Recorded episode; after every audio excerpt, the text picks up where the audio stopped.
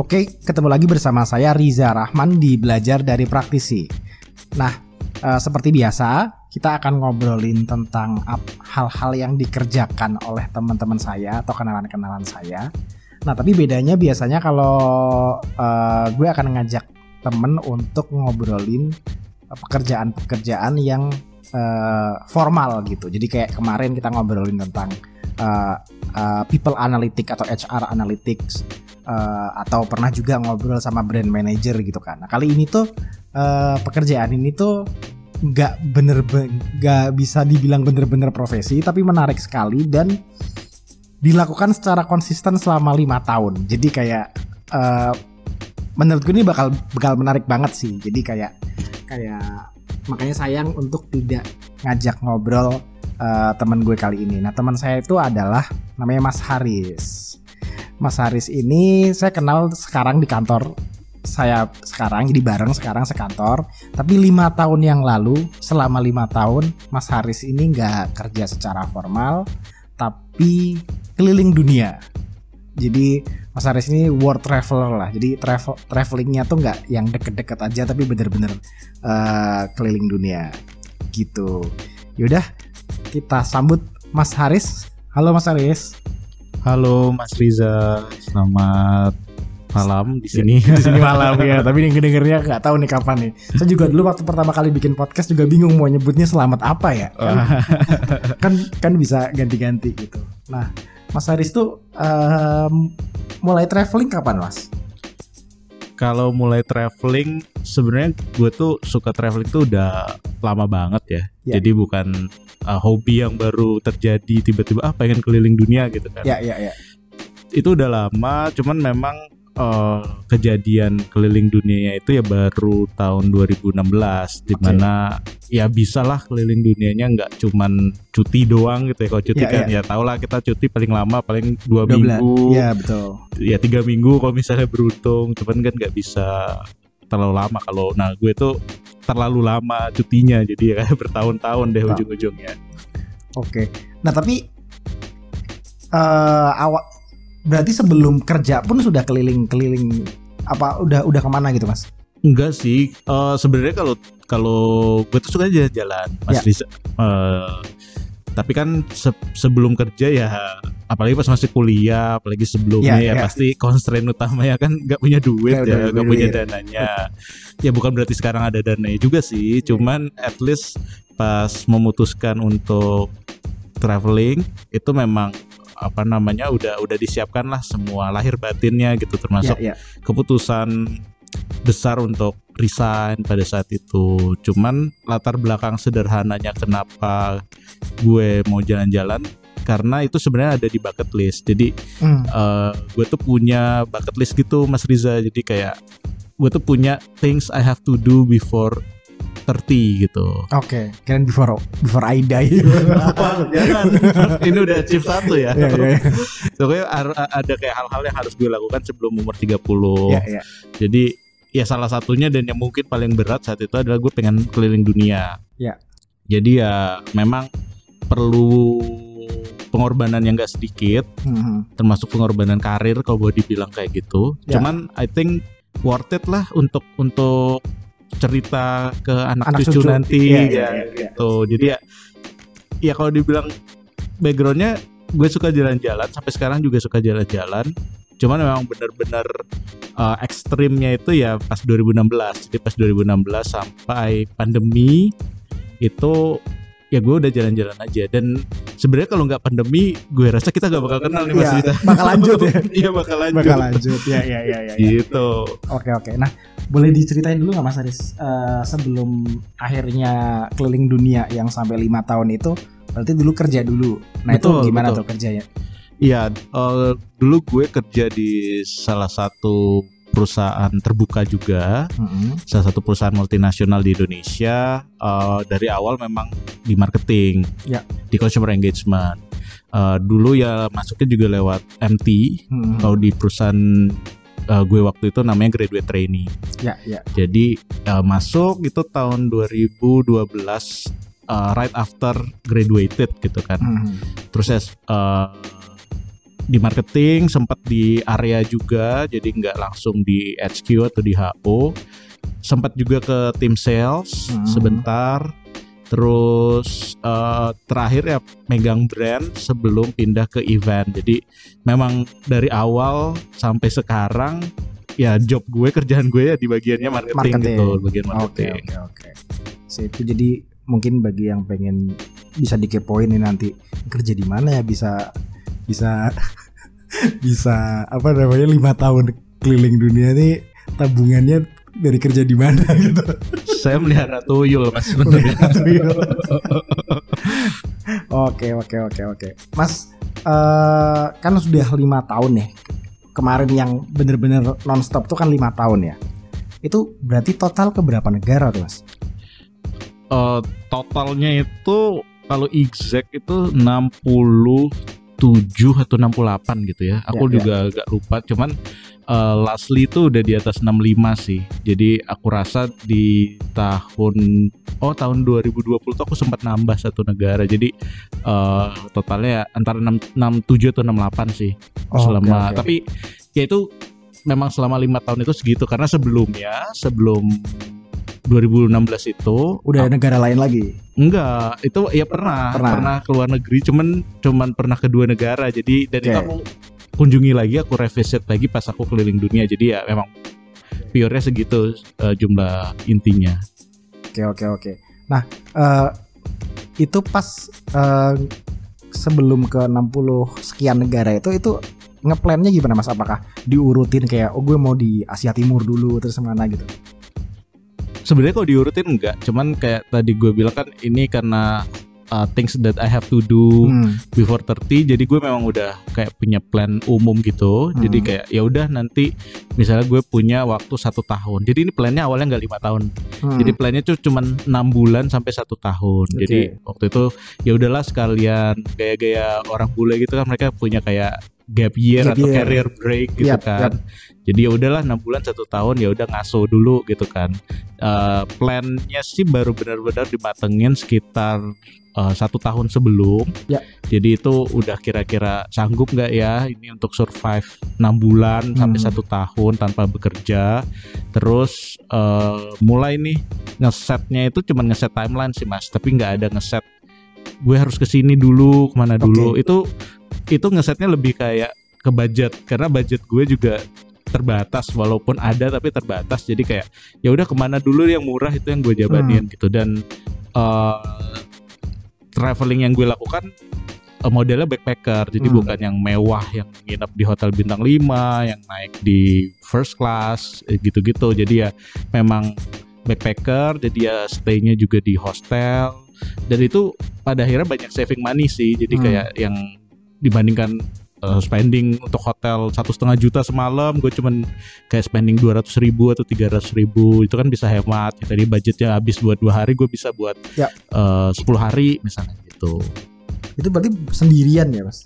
Keliling dunia tuh. mostly sendirian Cuman mungkin pernah ketemu temen gitu-gitu lah sana ya ya. nah enaknya itu bedanya sama kalau kita cuti atau pergi ja- jalan bareng keluarga atau bareng pasangan gitu ya itu kan udah udah kayak structured gitu loh Hmm. kalau gue itu memang benar-benar free jadi kayak Hmm. nggak harus setelah tiga hari pindah kota nah itu nggak harus terus karena tinggalnya di hostel jadi kenal banyak teman baru jadi kadang-kadang ya udah baru kenal pagi nih atau baru kenal pas mau check in besoknya bisa kita bisa jalan bareng, Bareng. tuh jadi ya men- menambah teman eh, dari berbagai negara ya dan banyak cerita juga sih jatuhnya nanti dibandingin Ya, Ya. ya, sama satu atau dua orang doang gitu ya, ya kebayang. Karena emang yang ya goalsnya itu kan bukan destinasi destinasinya ya, tapi kayak the journey-nya juga gitu kan. betul betul mas Jadi jadi emang emang ya udah beda lah sama kalau yang teman-teman. Biasanya kan kalau yang cuti gitu kan pasti udah udah punya ketat ya ininya. Ya, Apa, itinerary-nya. Jadi hari pertama ke sini, hari kedua ke sana gitu kan. Oke oke. Tapi awalnya gimana mas bisa apa namanya bisa suka traveling terus akhirnya kok bisa bener-bener lima tahun gitu loh. Hmm, good Ini dua, question. dua pertanyaan yang berbeda nih. Iya, iya. Yang yang pertama awalnya gimana? Yang kedua kok tadi kok bisa dari awal cuman pengen enam bulan jadi jadi berapa berarti itu?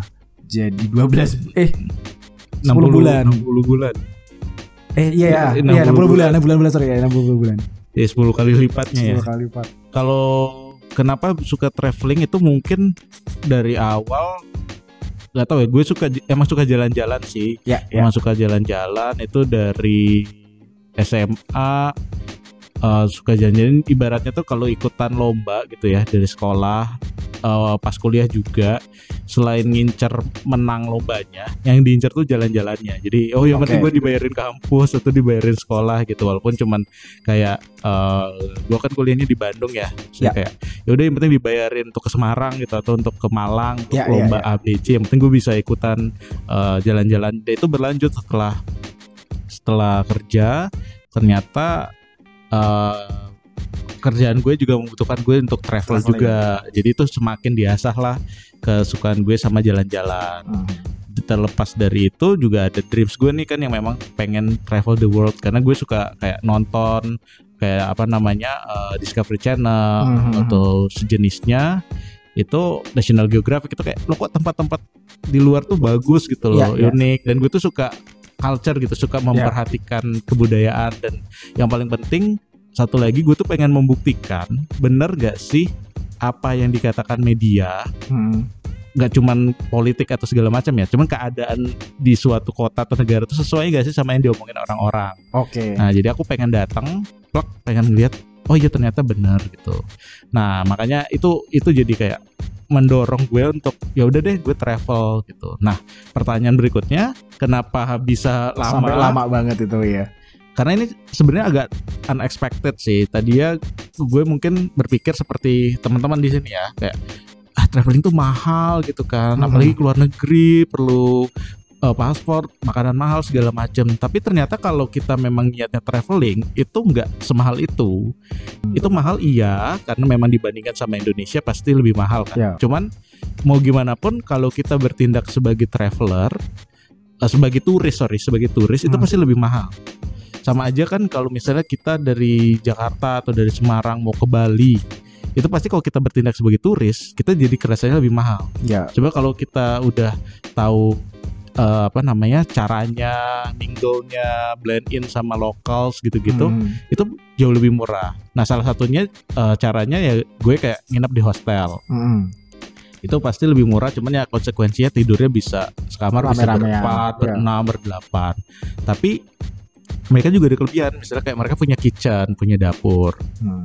jadi gue belajar masak sebenarnya Mas Riza ya walaupun cuman masak-masak standar Ya lah ya ya ya. cuman ya. jadinya nggak harus makan di luar itu beda kan kalau kita turis ke mana pun yaudah kita makan di ya, resto aja nyoba ini nyoba ini. iya kebayang kalau lu di Eropa terus Tiap hari. tiap hari makan jatuhnya kan kayak kalau mau murah ya makanya McD gitu loh tapi Iya, kan iya. McD juga nggak murah sebenarnya kalau di sana apalagi kalau mau yang makan-makan yang fancy restoran gitu kan pasti mahal banget nah Hmm. kalau kayak di hostel itu punya dapur punya kitchen jadi ya savingnya sangat-sangat lumayan jadi gue saving dari uh, penginapan akomodasi terus saving juga dari uh, makanan gitu. Hmm. dari mealsnya gue bisa saving. Ya emang sih nggak setiap hari masak karena gue pengen di satu kota yang gue kunjungi itu gue juga ada ngerasain lokal dishnya lah gitu kan. Cuman Iya, ya tetap itu tetap tetap uh, kerasa hematnya. Terus gue uh, mungkin diberkahi kemampuan untuk mencari tiket murah juga Mas Riza.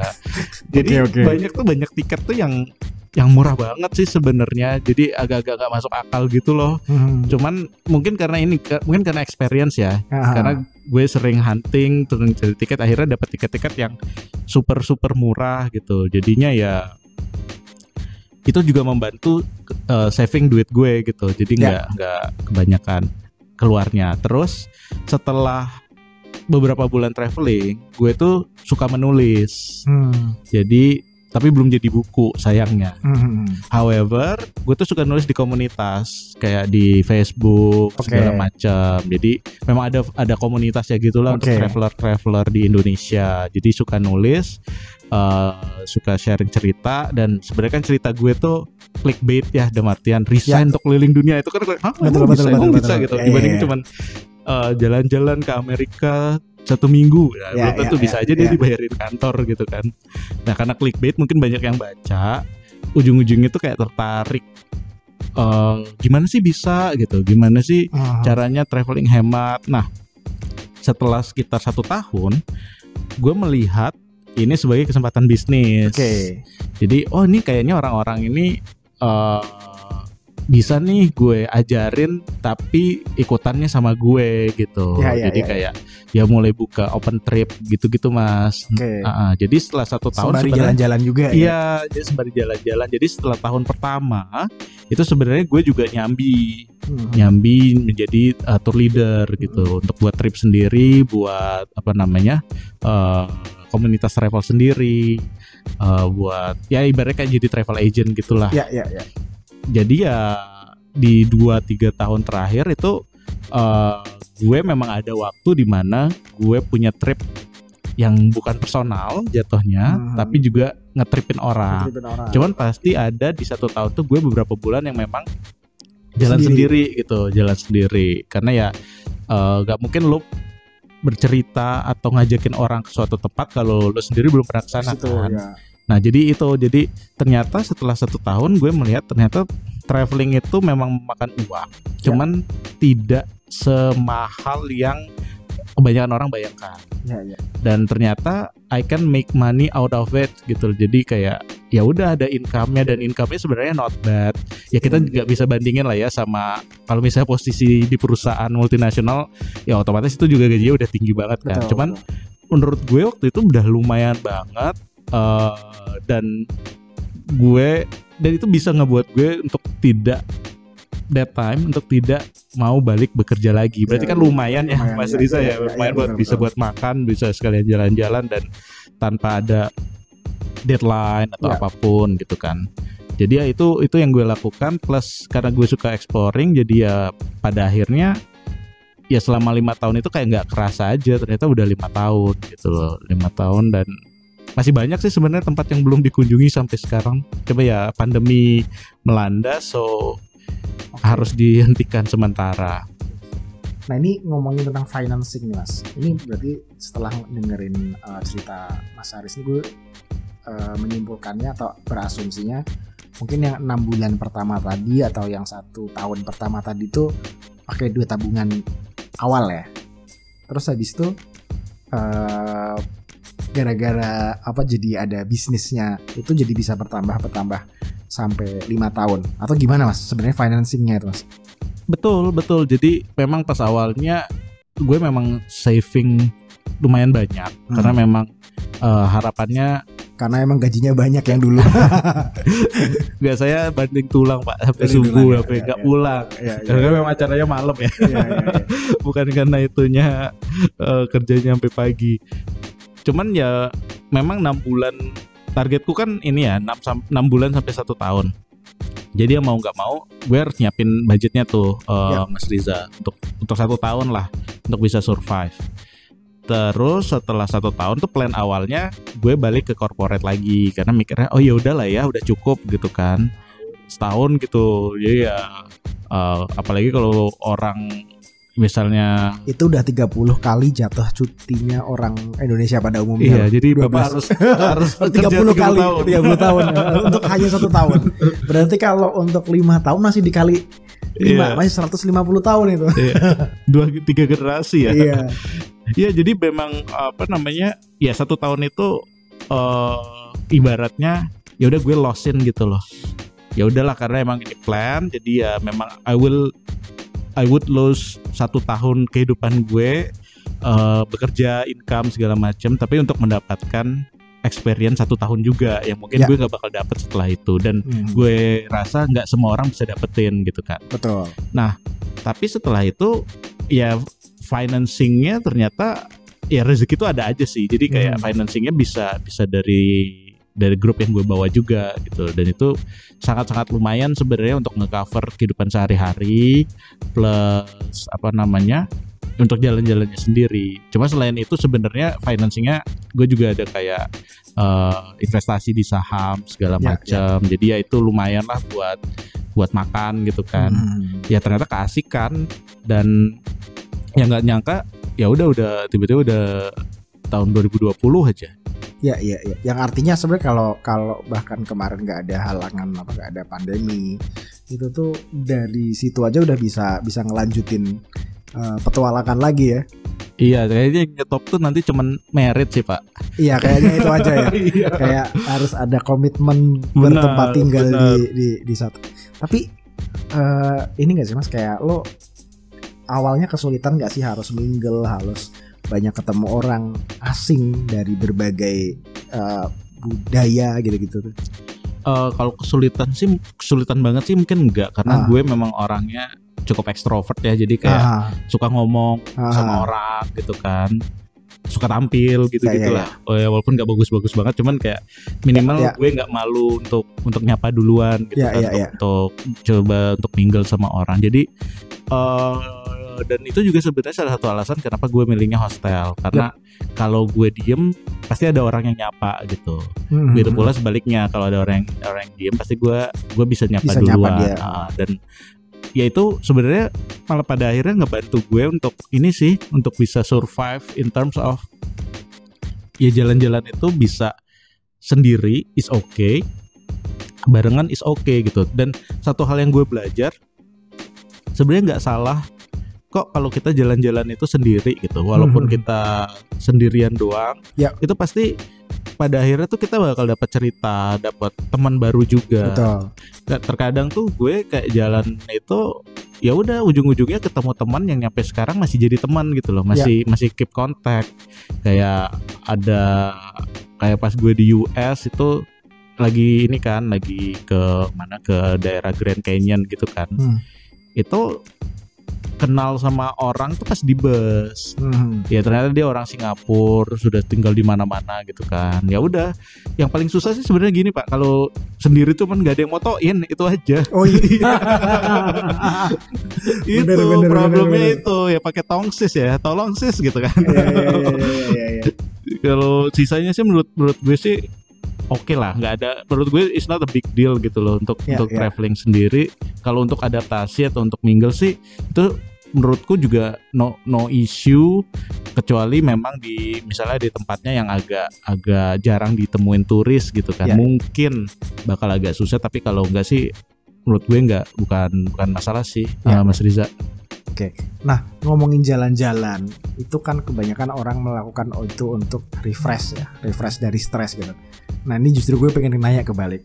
Ada nggak sih kayak hal-hal yang stressful justru di saat lo uh, traveling? oh pasti ada jadi ya gimana gimana aja tuh cerita ceritanya? ibaratnya tuh nggak ada lah pekerjaan atau kegiatan yang 100% senang-senang Senang-senang, terus. betul. Banyak sih Mas sebenarnya ya stressful itu karena kebanyakan karena salah sendiri sih. Maksudnya Misalkan gimana? eh, personal mistake ya misalnya kayak ketinggalan eh, pesawat. Yap. Nah, gue tuh pernah ketinggalan pesawat. Dan salah satu pesawat itu pesawat krusial. Jadi waktu itu gue lagi trip di Eropa. Jadi eh, gue tuh kalau trip Eropa atau yang agak jauh tuh gue punya kayak kayak itinerary misalnya gue udah beli nih booking pesawat untuk satu atau dua bulan ke depan. Oke. Jadi gue ikutin nih misalnya gue mau seminggu di Italia, Italia mau boleh di mana aja, mau jalan-jalan. Yang penting last day gue terbang ke mana lagi gitu atau gue lanjut ke mana lagi. Nah ini waktu itu gue dari Milan itu abis nonton final Liga Champion tahun 2016 itu di San Siro. Eh, Madrid versus Madrid juga Real versus Atletico. Oh iya iya iya. ya Real versus eh, Atletico. Nah kesalahan gue satu adalah gue itu flightnya next morningnya itu pagi sekitar jam 9 atau jam 10 gitu sedangkan kan eventnya walaupun selesainya jam 11 malam atau apa itu nggak selesai di situ kan Iya. Nah gue kan gue kan turis ya di situ maksudnya gue orang baru. Nah gue tuh pengen kayak ngerasain euforianya Iya, gitu loh. iya. Jadi gue tuh ikut kayak perayaan Iya, supporternya yang udah uh, Iya. yang sampai subuh gitu. Iya, iya, kayak iya. mereka pada minum-minum lah, pada apalah nyanyi-nyanyi lah segala Iya. macam. Nah gue tuh baru, baru balik ke hostel itu subuh. Hmm. Terus semua barang gue tuh udah gue packing. Hmm. Cuman gue ketiduran Kayak gue baru bangun jam 11 Flight gue jam Hilang dong 10 berarti. Hilang Dan itu Kalau itu bukan final Liga Champion Sebenarnya Gue cukup mudah untuk beli tiket pesawat, Tiket lagi. pesawat lagi. Cuman karena ini final Jadi semua orang pengen pulang kan Iya, setelah final Itu nggak ada Sekalipun ada Itu kayak udah mahal banget karena gini gue gue waktu itu inget banget gue tuh mau ke eh ke Latvia Hmm. flightnya. Itu gue dapat tiket promo murah banget. Itu cuma kayak 900 ribu deh dari dari Milan ke sana gitu. Hmm. ke, ke Tallinn oh ya ke, ke Tallinn nama ibu kotanya. Nah setelah itu itu nggak ada lagi tiket ke Tallinn karena itu bukan penerbangan normal gitu loh. Hmm. maksudnya bukan penerbangan yang ada tiap hari. Kalaupun ada itu kayak tiketnya udah harganya kayak 5 juta atau 6 juta gitu. Which is 6, ha- 6 kali lebih mahal atau 7 kali lebih mahal Iya. dibanding tiket awal Dan lo udah kehilangan duit juga karena ibarat kata Iya. kan. Dan kalau gue nggak ke Tallinn, gue nggak bisa lanjut ke kota Betul, berikutnya. ada Karena kan gue kan. oh dia ada chainnya gitu. Jadi kayak gue pusing tuh waktu itu. Itu itu stressful tuh. Itu kejadian yang super stressful. Gue kayak di bandara tuh kayak aduh gimana ya ini perjalanan masih panjang gitu. Sedangkan gue udah ketinggalan udah stuck di Milan dan nggak mungkin berangkat hari itu juga. Akhirnya gue booking hostel lagi semalam lagi. Terus ya udah gue balik ke hostel tuh gue nyari ini akhirnya nggak ke mana-mana gue nyari tiket doang itu akhirnya gue skip salah satu negara untuk terbang langsung ke negara berikutnya Berarti nggak jadi ke Latvia. Pada akhirnya jadi tapi bukan pada saat kesempatan saat itu, itu, ah. jadi akhirnya waktu itu gue jam aja gue langsung ke gue lupa tuh itu ke mana cuman gue gue langsung jam gue nggak ke Latvia karena ujung-ujungnya nggak nggak bakal cukup Ya. karena di Latvia Latvia kan negara kecil ya gue kayak di sana cuman kayak seharusnya waktu itu cuma kayak dua hari Iya, gitu iya. loh ya udah deh gue jam ke yang berikutnya gue stay dua hari lebih lama di Milan terus gue nyari kayak kalau nggak dari Milan ada nggak ya dari Rome gitu kan yang Ya. penting yang penting tiketnya murah karena Hmm. Milan ke Rome tuh murah nih naik bus cuman kayak 10 euro gitu lah Hmm. gue masih affordable lah ya Yap, yap. terus eh, ya udah akhirnya dapet gue gue flightnya adalah dua hari setelah gue ketinggalan pesawat tersebut Dari Rome. dari nggak dari Oh, Milan oh, dari juga Milan, ternyata Milan. dapetnya dari Milan juga cuman ya itu eh, gue kehilangan kesempatan gue kehilangan duit juga Hmm. dan gue harus apa namanya nambahin eh, hostel di Ya. Milan dan gue kehilangan selain tiket pesawat juga hostel di di Tallinn ya kan karena Ya, kan ya, gue ya. pasti udah beli nah Udah kayak beli. gitu itu contoh-contoh kestresan yang melanda ya mungkin Melanda. tidak tidak berpengaruh terhadap hajat hidup orang banyak ya kalau misalnya Ya, ya. kayak di kantor kan mungkin Ya, tapi mungkin itu ber- ber- berpengaruh terhadap keselamatan lo kan.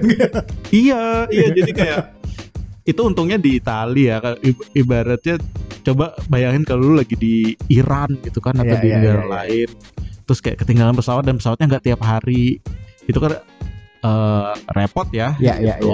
ya, jadi jenis-jenis stresnya kayak gitu sih Tapi lo pernah ini gak nih? Ini ngomonginnya nggak enak enak lagi nih. Lo pernah kayak diinterogasi di imigrasi gitu nggak? Lama gitu. pernah Pernah. pernah Kenapa? oh gue tuh pernah kena scam juga sih by Nama lo nggak ada nama Arab Arabnya loh. Biasanya kalau yang ada nama Arabnya tuh yang kena kena kan. Nah ini tuh Wah ini gue sempet Ini gue takut banget sih Waktu itu Jadi Ini gue lagi di Amerika Latin Hmm. Gue inget banget itu Gue di Kolombia Hmm. Kolombia tahu kan Itu kan tempatnya drugs Drugs, Lalala itu kan Nah terus Udah Ini pas gue udah mau Mau cabut dari Kolombia nih Udah blok Udah apa namanya Udah selesai imigrasi Terus Pas gue cap paspor Hmm. itu tiba-tiba dikasih tahu sama petugas pasportnya nanti kamu ke ruangan ini ya terus kayak Hah? kenapa gue bilang gitu kan gue nggak ah nggak mau ah gitu kan Hmm. ya udah deh gue langsung ke tempat ini ke tempat eh, gate gue Iya. ternyata di reject pas masuk gate katanya Ah. Oh you have to go there. Pakai bahasa Spanyol Iya, bahasa Inggris agak-agak. Spanyol Iya. putus gitu loh. Terus ah ke mana? Ngapain? Gitu kan. Ya udah ikutin aja itu jalan jalan gue inget banget jalannya lurus paling ujung di airport itu udah di airside ya. Jadi iya. udah- terus belok kiri. Oh ya udah deh gue jalan lah. Kan lo tau nggak itu ruangan apa? Apa? narcotic site kayak narcotic rooms gitu Iya, loh. iya, iya, iya, iya, iya. wah gue udah kayak waduh mati gue kenapa? Gitu Iya, kan. iya, iya. perasaan gue nggak ada yang aneh-aneh gitu kan. Terus gue masuk nah eh jadi waktu itu eh, gu- barang gue tuh eh, ada barang check in eh ada barang check in gak ya? Ada deh ada barang check in jadi ada barang check in terus dicurigain gitu. Yep.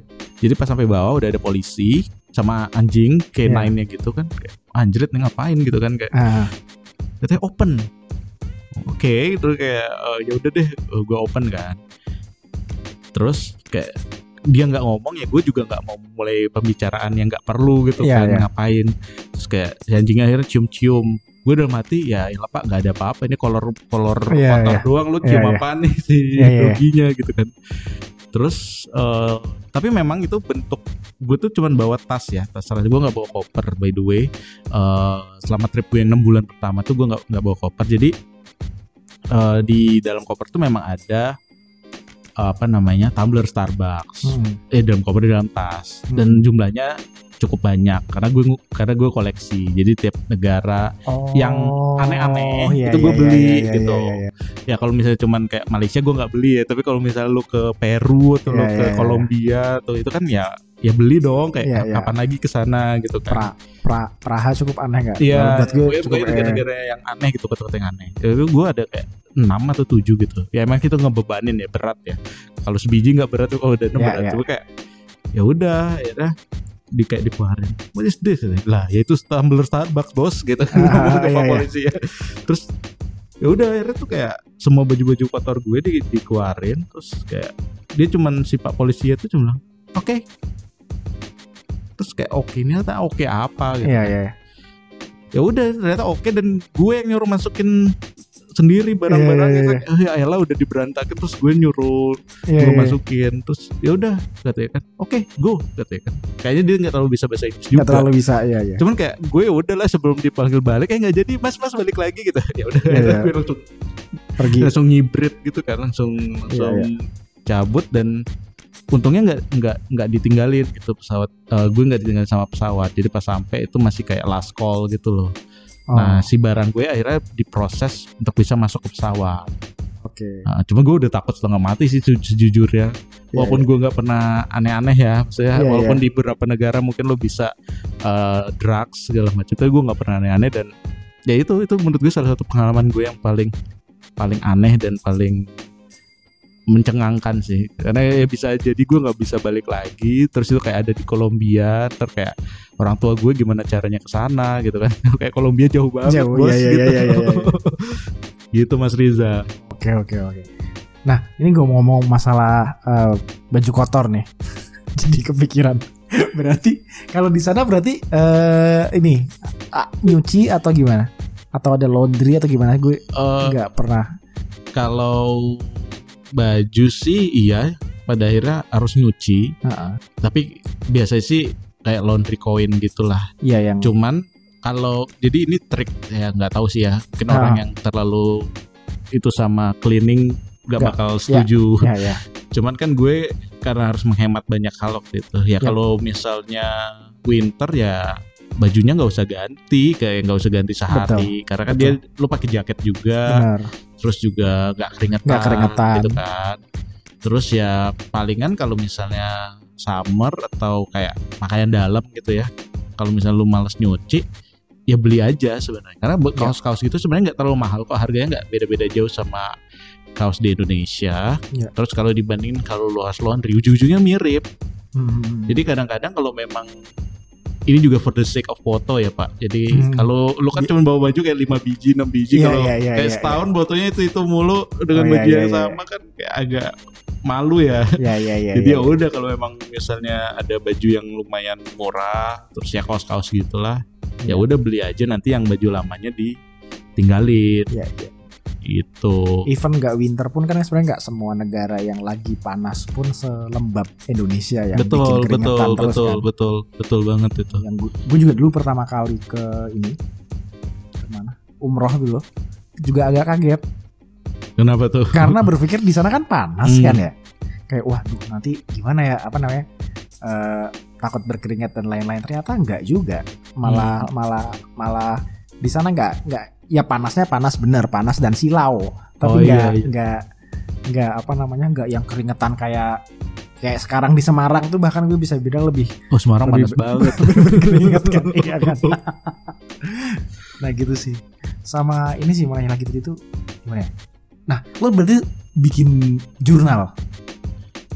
Eh, buat gue tuh buat buat sto, story dalam artian cerita Cer- gitu ya cuman ah. emang nggak nggak nggak nggak dipublikasikan karena sebenarnya waktu itu gue nggak mau mempublikasikan karena menurut gue ini cerita personal gue ya ya ya karena kan ini memang what I did itu adalah what I really wanted to do gitu Hmm. kan jadi menurut gue gue nggak perlu nge-share ke Betul. banyak orang cuman ya ketika gue coba share ternyata cukup banyak ya mungkin salah satu regret gue adalah tidak gue jadikan buku atau tidak gue jadikan apa namanya dokumentasinya tuh Hmm. yang sangat-sangat rapi. Tapi kalau kayak foto segala macam cerita ya it's still fresh in my mind gitu ya. Foto Hmm. juga masih banyak. Cuman ya memang nggak nggak nggak ada yang benar-benar berbentuk buku atau cerita narasi. Nah itu nggak ada. Dan itu ya menurut gue agak gue sesalin sih sekarang. Ya mungkin siapa tahu gue jadi kayak terjadi traveler, gitu Traveler, kan. iya, iya, iya. Iya. tapi nggak ketemu kita pak nanti kalau saya jadi treaty traveler pak Iya, oh iya, nggak nggak butuh kerja di sini kan Bapak. butuh pak aduh jangan ya jangan nanti ada bos saya yang menonton Dengar, ya iya. gitu. Oke, oke, oke, Mas. Nah, ini pertanyaan ini lagi nih, iseng lagi nih. Kan ini berarti lama banget nih jalan-jalan tuh lima tahun. Lima tahun tuh kayak waktu yang mungkin kalau dilewati sebentar, tapi kayak kalau ada orang cerita lima tahun, udah udah mau SD ya udah mau SD. Orang lima tahun jalan-jalan doang, orang dewasa nggak kerja jalan-jalan doang, terus bukan bukan dari hasil dikasih duit orang tua yang kaya tujuh turunan, itu kan kayak anjir lima tahun. Nggak kerja keliling dunia doang. Di Indonesia itu ditanyain tetangga gak sih? Kayak apa namanya? eh itu anakmu ngapain aja? gitu orang tua gitu. Kok kok keliling kok jalan-jalan terus? gitu apa jualan narkoba atau gimana? gitu kayak oh iya. atau pelihara Hampir, tuyul. Ya sebenarnya saya pesugihan sih pak. Pesugihan ya? Ya ya ya, ya, ya. tapi bener eh, Hmm. bener bener sih itu pertanyaan itu banyak dan sangat common ya kayaknya Ya, di, ya, ya. di di Indo gitu kan, di Indonesia. Jadi ya even eh, orang tua gue juga mempertanyakan gitu loh Ah, keputusan awalnya itu eh, juga dipertanyakan gitu. Kayak pas gue bilang gue mau resign orang tua gue tuh setuju-setuju aja Hmm. gitu kan. Karena kan ekspektasinya gue pindah perusahaan bukan Iya, kayak iya, nggak iya, kerja iya, gitu iya, kan itu iya, dua iya. hal yang sangat berbeda kan. Ya terus eh ya terus gue jelasin kan iya mau ini mah mau apa namanya jalan-jalan oh dipikirnya cuman kayak ya udahlah sebulan gitu kan Iya. mungkin anak gue stres atau Iya, iya. lagi pengen menghilangkan kepusingan kepenatan. Dan ya mereka juga tahu lah gue kayak baru lulus tuh langsung kerja gitu kan Iya, mungkin gitu. Enggak kok ini buat satu tahun kayak gue harus persuade dulu mereka harus bujuk nah pas sudah akhirnya didapat terus gue jalan-jalan itu banyak tuh yang nanyain. Apalagi eh, nyokap gue kan tinggalnya di Sumatera ya emang Hmm. emang kepisah gitu kan nyokap Hmm. bokap tuh eh, sama gue kepisah tapi nyokap gue tuh pas di awal-awal gue trip tuh kayak suka buat update status gitu loh kayak anakku iya abang kan gue dipanggil Abang. abang. ya kayak abang lagi di sini terus kayak besoknya pas gue bilang ya mah lagi jalan ke sini terus dia kayak update status lagi itu gue yakin pasti tetangga gue iya, pada iya, julid itu walaupun eh, nggak semuanya yang sampai ke telinga gue ya cuma gue cukup yakin nah kalau dari peers eh ini gue diceritain sih. Hmm. jadi kayak gue punya temen yang pada akhirnya nggak unfollow gue di iya karena kayak ini orang cerita apa kerjaannya jalan-jalan mulu ini. Ini ini oh bikin bikin envy gitu iya sad true story. Cuman ya menurut gue mendingan gitu sih kalau memang nggak suka kan. Ya, ya, ya, mungkin ya. nggak nggak ada masalah secara personal cuman Ya, ya, cuman dibandingin untuk kenyamanan, kenyamanan hati, iya. Ya ya ya ya ya itu ada juga. Terus eh, ya sempet lah dibilangin wah duitnya banyak ya. Ina itu ya gue aminin aja sih amin kalau duitnya Iya, banyak. iya, iya. cuman ya nggak nggak necessarily kayak gitu. Cuman ya gue bilang aja ya ini ya ini nggak kalau lo tahu triknya sebenarnya nggak nggak sekaya itu nggak harus sekaya itu Betul, kok betul. gitu kan untuk bisa keliling dunia gitu dan setelah itu kan gue juga menghasilkan gitu loh dari Hmm. jalan-jalannya jadi ya bukan yang selama lima tahun gue spending terus-terusan gitu Hmm. jadi pertanyaan pasti ada, eh, even sampai sekarang mungkin masih ada. Eh, banyak sih pas gue mau mulai jalan-jalan tuh pertanyaannya kenapa resign, ya terus eh, meninggalkan pekerjaan yang apa, yang cukup bagus gitu Iya, iya. Terus pas udah kayak enam bulan, kenapa jalan-jalan terus? Jadi kan pertanyaannya Iya, iya, menurut iya, gue iya. tetap ngejer gitu loh. ya ya ya Eh, even pas sampai pandemi pun masih jalan-jalan gak mas gitu Hmm. sampai sekarang juga pasti banyak pertanyaan kayak ini nanti kok udah pandemi lu resign gak ya ya ya ya ya ya, ya. jadi kayaknya masih bakalan lanjut pertanyaan kayak kayak gitu terus sih Mas Iya, Riza iya, iya, iya, iya, mau iya. gimana pun cuman ya gue mau tekankan di sini kalau gue tidak melihara tuyul dan gue tidak pesugihan Pesugihan, iya, cuman iya, ini sih gue peliharaan tante-tante tante-tante itu lebih masuk akal kayaknya. Nah, kalau ini Mas, kalau pengalaman apa sih yang paling bis nggak bisa dilupain selain tadi yang pahit-pahit tadi ya? Yang pahit-pahit tadi pasti juga nggak bisa dilupain lah ya. Tapi ada lagi nggak pengalaman-pengalaman lain yang kayaknya nggak bakal bisa dilupain kecuali misalnya kepalanya kepentok atau apa gimana? banyak ya kalau ditanyain pengalaman eh, cuman beberapa highlight dari trip gue Hmm. eh, yang gue rasakan sendiri ini untuk personal ya. Ya. Eh, salah satunya kayak ke Machu Picchu Hmm. eh, di Peru itu kayak menurut gue sangat-sangat jadi highlight karena ke sananya juga nggak mudah. Hmm. Eh, apalagi buat orang Indonesia ke Peru tuh mahal banget. Hmm. Tapi gue waktu itu nggak semahal itu sih, nggak semahal yang dibayangkan sih. Eh, Karena jadi- kan nggak langsung dari Indonesia juga Iya, kan? nggak langsung dari Indonesia. Dapat dapat tiketnya promo juga. Jadi ke Machu Picchu itu salah satu highlight yang utama. Terus eh, gue ke Kuba, ke Fidel Havana, ke Fidel Havana. Castro. Terus eh, kalau Yang katanya mobilnya masih mobil-mobil Iya. angkatan tua ya. Itu Iya, beneran ya? Itu bener banget. Itu kayak lu, kayak ini Mas kayak apa? Eh, Kembali ke ya, tahun sekian ya. gitu loh. Kayak kayak balik ke tahun 80 70-an gitu. Semuanya gue intinya negara tuh kayak kayak kayak 30 tahun yang lalu gitu deh. Iya, iya, iya. tapi sangat menarik sih jatuhnya itu jadi salah satu highlight kan itu negara yang gue denger tuh yang kayak gitu apa namanya eh, mobil-mobilnya mobil-mobil lama tapi jumlah dokternya banyak yes. Jumlah dokternya Yes. banyak. Jadi mereka ngasih beasiswa banyak ke buat warga negaranya sendiri itu untuk juga sekolah kedokteran. kedok- kedokteran ini salah satu yang paling bagus kan di dunia. Hmm. jadi ya walaupun negaranya kemarin cukup- sampai ini loh pas kasusnya di Italia gede-gedenya itu kan yang nolong dokter-dokter Kuba Kuba ya.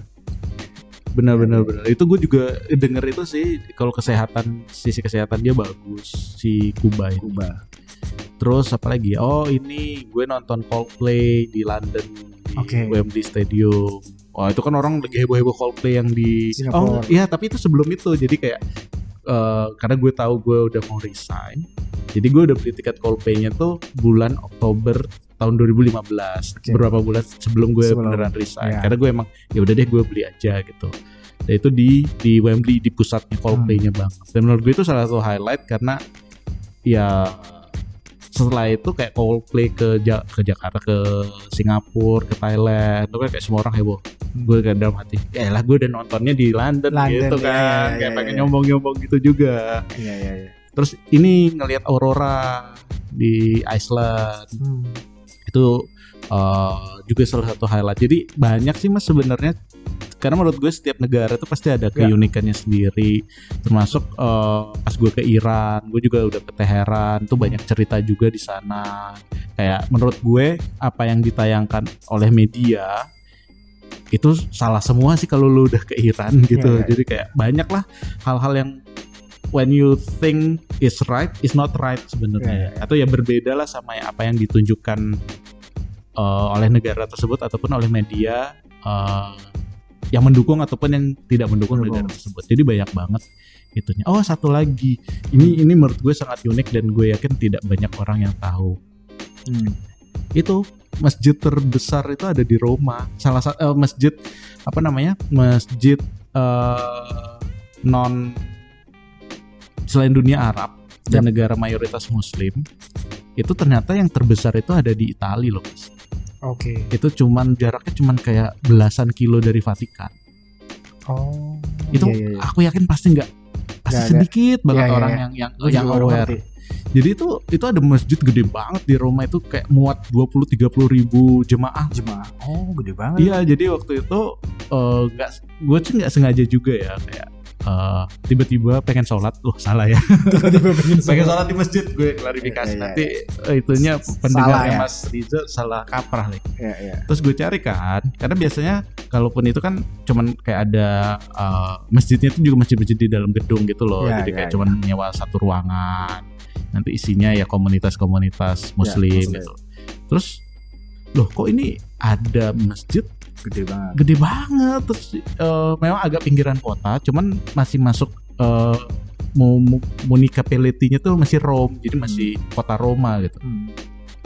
ya udahlah gue ke sana kan dia tuh emang gede banget parah sih Jadi kalau gue dengar, untungnya gue waktu itu sholat asar di situ, eh sempat ngobrol sama imamnya juga, Hmm. ngobrol Lo sebentar. ngomong dari Indonesia gitu. Iya, terus Iya, dia banyak orang Melayu kan. Iya iya iya. ngomong. Dan eh di situ ternyata kalau hari Jumat itu rame udah kayak pasar. gitu. Hmm. Karena biasanya kan Jumat ya sholat Jumat ya, setelah sholat Hmm. Jumat tuh eh, banyak yang transaksi jualan, jual Hmm. beli apa kayak eh, daging halal gitu-gitu Hmm. kan nggak terlalu mudah ya Iya, didapat di sana. Jadi itu benar-benar transaksionalnya tuh hari Jumat terutama untuk barang-barang eh, halal goods gitulah. Hmm. Jadi di situ. Untuk tapi gue nggak datang hari Jumat sih. Cuman menurut gue itu jadi highlight karena kayaknya gue datang ke suatu tempat di mana nggak semua orang tahu gitu Ya. kan. Walaupun itu dan gue seneng banget sih karena itu kayak di jantungnya Vatikan. Hmm. Ternyata ada eh, apa namanya kayak tenggang rasanya tuh bagus sih di situ. Hmm. Jadi kayak ya ya apa mau di mana pun Betul. sebenarnya kalau kita emang mau damai mau itu ya bisa-bisa Bisa-bisa aja, aja, gitu ya, loh. ya, ya. Jadi seharusnya sih nggak jadi masalah. Gue gue lebih bisa memahami kalau itu lo tadi bilang masjid terbesar selain di dunia Arab dan dunia Islam itu ada di Spanyol Karena dulu ya. karena dulu, karena Dulu. dulu kan memang apa namanya ya kekhalifahan Islam Iya. pernah ke ke situ kan Iya. Nah, Tapi ini di Itali di Italia ya. agak agak ajaibnya sih di situ. di daerah kekuasaannya Romawi Barat Iya, zaman dulu lah ya. iya. Itu pokoknya itu unik lah Iya, menurut iya, gue. iya, iya. Tapi kalau secara culture atau secara orang-orangnya nih, yang menurut lo nggak bisa dilupain juga, atau misalkan yang kayak di luar dugaan banget itu pas lo ketemu orang-orang mana tuh mas? Kalau orang tuh gue paling suka ini ya secara sifat ya. Ya. Itu gue paling suka Jepang. Oke, Karena menurut gue tuh orang Jepang tuh super lah. Pokoknya kalau negara nanti kalau misalnya lo Hmm. nanya negara yang paling gue suka itu pasti gue pasti jawabnya on top of my list adalah Jepang. Jepang. Karena menurut gue tuh lengkap banget. Emang orang itu kaku, Hmm. nggak sesupel negara lain lah ya. Ya.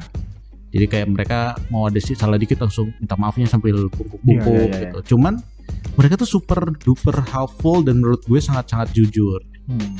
Super helpfulnya gimana? Jadi misalnya lo lagi di tengah jalan nih, lo kayak Hmm. buka map atau kayak lagi orang kebingungan, kelimpungan gitu.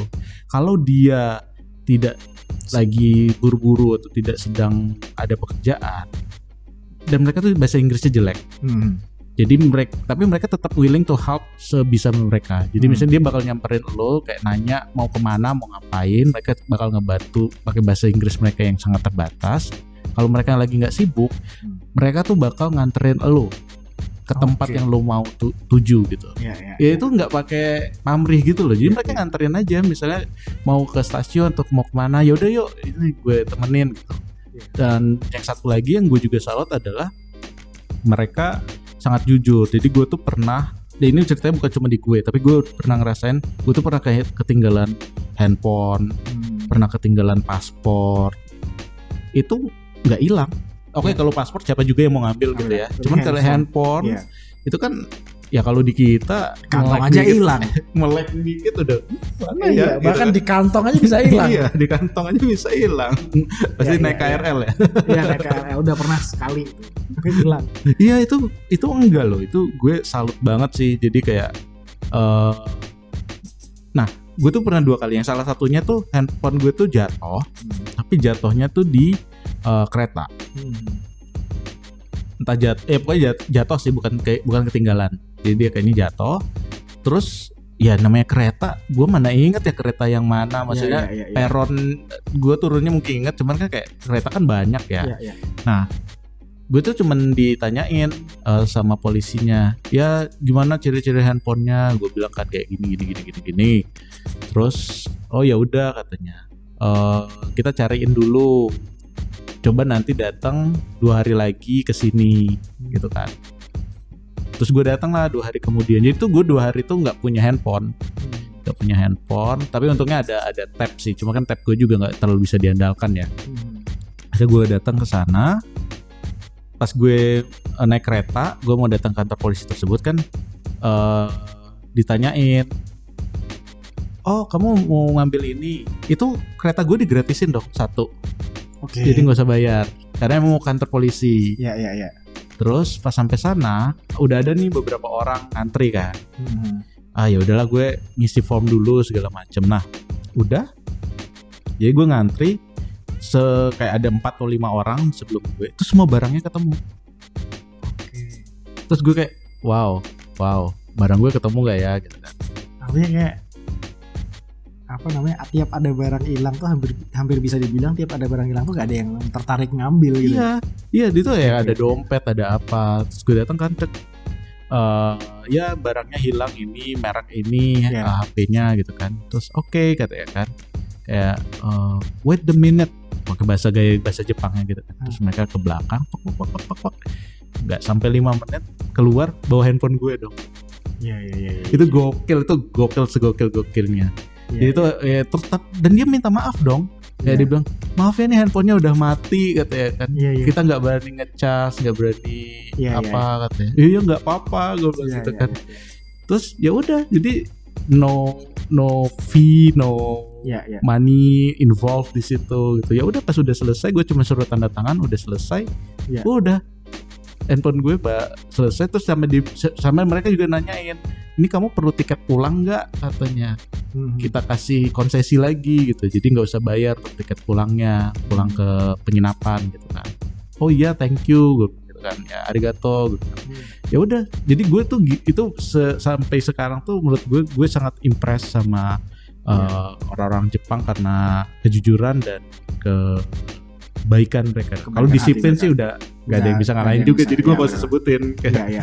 Yang gue pernah denger tuh yang itu sih yang kayak siapa gitu yang pernah ngajak ngobrol tuh. Eh, kalau lo di sini minta tunjukin eh, eh mas musola di mana ya ke orang asing orang di sini akan oh di situ gitu kan dan Hmm. itu sudah cukup nice bagi orang Indonesia yang katanya nice juga itu Hmm. itu sudah cukup nice kan dengan menunjukkan oh di sana gitu kan kalau ketemu orang Jepang diantar itu. Benar. Diantar ya asal kayak tadi ya nggak lagi in hari iya atau iya ada kerjaan apa. Tapi kayak ya itu kayak sampai di di diantar gitu. Oh iya iya iya. Iya. terus tadi itu cukup malu juga. Tadi bagi kebetulan gue nggak sengaja nggak tahu gimana ceritanya. Ngeklik eh, di Twitter terus masuk nyambung ke YouTube seorang lupa PhD atau profesor di bidang antropologi yang dia tuh memang fokusnya researchnya tuh di Indonesia. Hmm, orang Jepang? Orang Jepang. Oh oke. Dan spesial uh, dia adalah peneliti aku nggak ngerti sih uh, apa namanya apakah itu fokusnya tapi salah satu karya-karya dia itu adalah meneliti tentang Muhammadiyah. Hmm. organisasi Islam yang ada di Indonesia gitu. Nah dia bilang gini kayak pas ditanya kenapa lo meneliti Muhammadiyah gitu. Itu gue agak ketampar. Pas dia ngomong gini ya awalnya saya hanya tertarik dengan uh, maksudnya ya Indonesia dia tertarik di Jogja gitu gitu. Nah suatu saat saya akhirnya ketika saya ngeblend dengan masyarakat saya tuh keta saya itu tertarik dengan beberapa kelompok orang yang berbeda seperti berbeda dari kebaik kebanyakan image orang Indonesia pada umumnya. Terus di dikejar tuh sama nginter emang image yang seperti apa? Image yang malas. Hmm. image yang tidak bisa tidak menghormati apa namanya janji uang eh, janjian jam berapa datang jam berapa. Eh, Iya, iya. terus yang apa yang apa yang apa. Ya, itu kan agak enggak negatif. Kata kata jadi dia kayak jelasin ya bagi banyak orang asing eh, itu tidak bikin orang tidak nyaman terus kayak kalau beli sesuatu harus ada tawar menawar karena harga itu nggak pasti Hmm. Nah, gitu-gitu kan. Nah tapi dia bilang, nah kenapa saya tertarik itu ya karena saya melihat ada orang-orang yang berbeda gitu. Nah ternyata mereka itu tidak seperti itu. Mereka tidak malas, mereka tidak, mereka bekerja keras meskipun masih miskin, tapi mereka bekerja keras dan dari orang-orang keluarga-keluarga miskin inilah akhirnya muncul mahasiswa-mahasiswa di UGM, di Hmm. Apa namanya UII dia nyebut-nyebut gitu kan di, di univ-univ di Di Jogja. Nah, maksudnya kayak pas bagian dia ngomong seperti apa ah, hal-hal yang seperti orang-orang luar bayangkan gitu kan kayak orang Indonesia malas, tidak menepati janji. Hmm. eh, kalau janjian waktunya telat gitu kan. Terus Hmm. harga-harga tuh eh, nggak jelas gitu-gitu terus kayak "Wah, anjir lah. Se- se- segitunya ya di hadapan di hadapan orang gitu loh di hadapan orang lain tuh kayak sejelek itu sedangkan Jepang kayak serba kebalikannya. Ya, ya mungkin juga karena dia standarnya standar Jepang ya. betul Standar Jepang sehingga kayak gitu. ya ya mungkin sih ya nggak bisa 100% 100% dibilang di gitu ya, cuma ah, ah. impresi yang gue dapatkan dari Jepang tuh sangat sangat positif sih ya ya ya. Eh, baik sama sekali makanya gue bisa bilang lah kalau ke Jepang tuh Hmm. itu memang apa ya tempat favorit destinasi favorit gue Ya ya ya. karena sisi lain juga Jepang banyak kan dia teknologi bagus Betul. juga kece, Kece, ya ya. jadi kayak udah ada semuanya sih Ya ya ya. ya. Oke oke oke. Nah, sip. Udah lumayan lama juga ini kita ngobrol ternyata Mas. oh siap apa namanya Eh, apa namanya ini aja mas kalau seandainya ada ada ada orang lain yang dengerin eh, podcast ini dan tertarik mencoba eh, apa namanya jalan hidup ini gitu. Hmm. jalan ninja ini nih. Itu tuh ada tips and trick nggak sih mas? Hmm, dari mas Haris. Tips and trick sih ya sebenarnya kalau kamu bukan anak sultan ya nabung gitu Iya, iya, investasi gitu Iya, kan. iya. dan kalau memang ada yang tertarik sih menurutku ini waktu yang tepat ya. Kenapa? Karena kan sekarang pandemi otomatis eh, nggak bakal cepat lah recovernya. Hmm. menurutku eh, dunia traveling ya ini eh, secara umum itu nggak bakalan balik kayak 2-3 tahun yang lalu atau even lima tahun yang lalu pas aku start itu for the next five years Hmm. at least Hmm. jadi ya mungkin sekarang udah ada sebagian orang yang udah bisa keluar negeri atau apa cuma pasti beda lah feelingnya kayak kamu masih harus karantina kamu Hmm. harus menunjukkan sertifikat vaksin Hmm. mungkin gak semua tempat juga udah buka Ya. terus mungkin masih ada pembatasan kayak mm, maksimal harus berapa orang. Jadi nggak nggak nyaman kayak pas uh, gue jalan-jalan tiga tahun yang lalu atau dua tahun yang Hmm. lalu sebelum pandemi. Nah gue gue tuh berpikir ini bakalan soft mungkin bakalan recover mungkin lima tahun dari sekarang. Jadi masih ada waktu nih kalau memang ada teman-teman yang pengen tertarik uh, gap year atau pengen tertarik untuk travel more than uh, annual leave Hmm. ya itu mendingan sekarang ditabung dulu uangnya diinvestasikan dulu uangnya jadi nanti ya kalau udah benar-benar recover baru deh di dilaksanakan gitu cuman uh, menurut gue at least once in our lifetime Hmm. kita harus nyoba tuh adventure uh, jalan-jalan nggak harus ke luar negeri sih kalau memang Hmm. sukanya ke Indonesia ya udah ke Indonesia aja cuman ya harus dicoba jangan cuman uh, cuti doang itu jalan-jalan karena Hmm. beda beda banget rasanya antara cuti dua minggu Hmm. sama jalan-jalan dua bulan ya memang harus harus ada yang dikorbankan, Dikorbankan, ya. nggak mungkin semuanya bisa cuman at least sekali menurut gue uh, perlu sih terus ya selain nabung uh, investasi juga nanti pas mau mulai travel ya kita harus tahu kita mau berapa lama Hmm. terus kita juga harus mulai masuk uh, kayak pencari tiketnya gimana jadi kalau mau mencari inspirasi ya masuk masuk grup uh, Facebook gitu-gitu untuk travel juga Travel. bagus kok karena itu kan ada inspirasi kadang-kadang ada yang nge-share bagaimana caranya dapat tiket murah Hmm. caranya dapat makanan murah nah gue tuh juga belajar kayak gitu gitu loh. Jadi along the way misalnya kayak di US itu ini hanya lokal yang tahu cuman gue dikasih tahu. Jadi kalau kita beli McD misalnya kita beli apa namanya eh, kayak nugget gitu ya Mhm. nuggetnya McD itu kan harganya berapa dolar ya? Gue lupa. Cuma dia itu ada paketan. Kalau lu nambah satu dolar doang itu paketnya jadi dua. Hmm. jadi misalnya harganya 6 dolar nih Hmm. eh, dapat 10 nugget misalnya Hmm. kalau lu mau beli dua paket nugget kan berarti harusnya harganya 12 kan Yap. Coba itu kita bisa Tujuh. bilang cuman make it double gitu loh. Jadi Hmm. nanti jadi 7 dapatnya 20.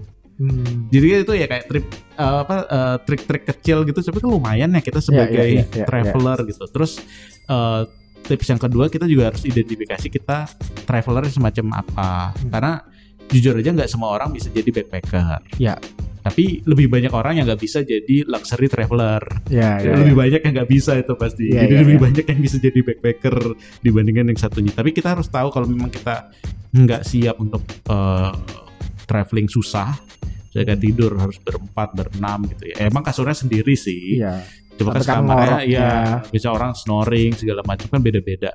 Ya udah, berarti memang kita harus naikin eh, dananya juga Ya, gitu ya, untuk bisa apa namanya untuk bisa dapetin sama yang terakhir eh, tipsnya sih kalau kita udah di luar ya belajar yang banyak lah karena Hmm. gue sendiri tuh belajar sih di situ beradaptasi untuk bisa menghormati karena once kita udah di luar ya kita udah nggak di rumah gitu loh kita harus Hmm. belajar kayak respect uh, budaya orang lain yang mungkin nggak sesuai sama budaya kita gitu jadi ya misalnya kayak melihat orang pacaran atau ciuman kalau Hmm. misalnya di, hidup di Indonesia kan kayak nggak hampir nggak pernah gitu loh ngeliat Iya, orang iya, ciuman iya. di taman gitu kan Iya, tapi kalau iya, di luar negeri kayak banyak banget gitu Iya, iya. ya mungkin ada beberapa yang yang kontra sama apa yang kita percayai atau yang sering kita lihat cuman ya it is what it is gitu kan Hmm, hmm. jadi aku belajar banyak sih Mas Riza eh, di sana kayak ya udah you have to appreciate what you saw gitu loh jadi Hmm. nggak bisa memaksakannya gue harus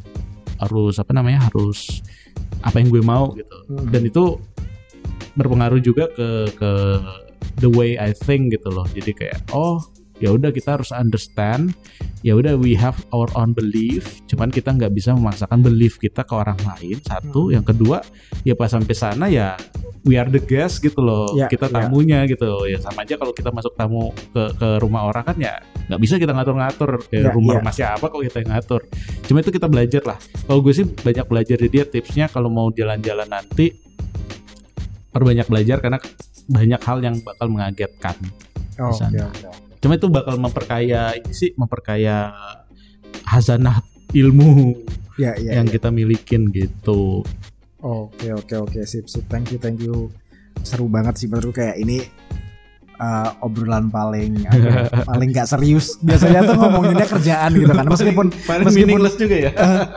Nggak juga. Karena mungkin justru kayak gue berpikir kayak apa namanya mungkin berpikir resign. Loh ya? berpikir apa namanya. Ini juga justru kayak one one lifetime experience yang ya itu nggak bakal dilupain yang akan membekas pelajaran. Ini kalau masih bisa lama lagi pun pasti gue masih bisa ngorek-ngorek tentang kayak ya pelajaran hidup apa aja yang didapat Hmm. di mungkin di beberapa negara gitu kan. Dan satu hal nih mas eh gue kan belum pernah mencoba bener-bener menjadi traveler ya. Bukan turis nih tapi bener-bener traveler hidup di nomaden. Uh, nomaden terus hidup di oh, menyatu di culture orang gitu kan. Gitu-gitu nah itu kan gue belum pernah. Tapi kayak dan belum pernah keliling dunia sih gitu kan. Tapi yang gue sadari anjir yang gue merasa menjadi manusia tertinggal adalah bahwa even dari zaman nabi aja itu tokoh-tokoh yang kita sering denger namanya dari cerita-cerita nabi itu orang-orang yang pernah keliling dunia loh yang disebut Syam itu kan gak cuma satu negara itu mas iya betul Syria, Palestina terus apa dan kayak orang-orang dari Mekah udah berdagang atau minimal apa ke sana ke sana ke sana. Iya. Nabi Muhammad sejak kecil juga udah keliling-keliling iya ke sana benar sehingga benar benar mempelajari itu eh, terus kayak ke Persia. Mereka juga tahu tentang bangsa Roma. hmm. Gitu kan. Itu kan kayak wow. Eh, maksudnya memang kayak itu sudah jadi apa ya? kurikulum pendidikan anak-anak zaman anak-anak bangsawan zaman Hmm. dulu atau anak-anak saudagar kaya zaman dulu tuh kayak ya ya lo harus belajar dari berbagai berbagai berbagai tempat gitu karena itu itu gue merasa anjir gitu terus kayak misalkan dari zaman zaman zaman zaman oh ya orang-orang Indonesia aja lah orang-orang Indonesia itu kan tokoh-tokoh tokoh-tokoh pergerakan juga ada yang lulusan Leiden Hmm. yang udah gitu-gitu kan terus yang jangan kan gitulah jangan jangan pakai simbol itulah yang mungkin mereka anak darah biru juga tapi kayak kiai-kiai gitu kan tuh belajarnya juga pada ke timur tengah zaman Betul, dulu kan nah itu betul. berarti kayak hal-hal yang kayak anjir itu orang-orang dari ratusan bahkan ribuan tahun yang lalu yang masih sulit untuk transportasinya akomodasinya aja udah pada keliling dunia terus gue kayak merasa kayak anjir gue tertinggalnya bukan puluhan tahun ribuan tahun gitu lah maksudnya gitu loh. Iya, hal-hal iya, kayak iya, gitu iya. jadi ada tetap ada perasaan itu sih mas. Ada ada kayak anjir ini hebat sih. Makanya pas denger mas Haris hah? Lima tahun? Iya. Wah gila ini. Saya udah S1 itu. Eh, S1 ya. S1 skripsinya dua kali itu mas. Oh, iya benar benar benar. Oke nih mas, pertanyaan terakhir nih mas. Seandainya eh, reinkarnasi itu ada, beneran ada, Mhm. terus lo bakal hidup lagi di kehidupan yang akan datang, kira-kira lo bakal pengen traveling lagi nggak? Dan kenapa? hmm Ini pertanyaan yang mudah sih sebenarnya. Iya. Karena jawaban gue pasti sama sih. Gue tetap mau traveling. Eh, simple jawabannya karena menurut gue traveling itu mengajarkan hal yang tidak diajarkan di institusi formal, Iya, iya. yang tidak diajarkan di sekolah, Ah. tidak even tidak diajarkan di apa namanya di corporate Iya, atau iya. mungkin dari eh, lingkungan sekitar tuh juga kita belum tentu apa namanya belum tentu dapat gitu ilmunya. Iya, iya. Jadi banyak hal yang gue dapetin, banyak hal yang gue eh, coba. Jadi kalau misalnya diberikan kesempatan di kehidupan yang lain atau kesempatan yang lain, ya gue bakal coba untuk melakukan hal yang sama sih. Oke. Dan kalau nggak ada pandemi mungkin malah di kehidupan yang lain bakal lebih lama. nggak cuma lima tahun ya. Cuman tergantung, tergantung pekerjaan pertamanya. Oh iya, itu tuh sangat ngaruh ya. Itu sangat Iya, ngaruh. iya, Kalau iya, enggak ya saya keliling ini aja palingan Tanah Abang. Tanah Abang. Oke oke sip sip sip. Ya wes kalau gitu thank you thank you Mas Aris buat obrolannya eh eh, satu jam ini. Thank you buat ya pokoknya ini insight insightnya lah. Siapa tahu mungkin ada teman-teman yang pengen eh, mengikuti jalan ninja Mas Haris ini. Siap. Sip sip. Terima kasih Mas Siap. Riza. Thank you thank you. See you Mas. See you.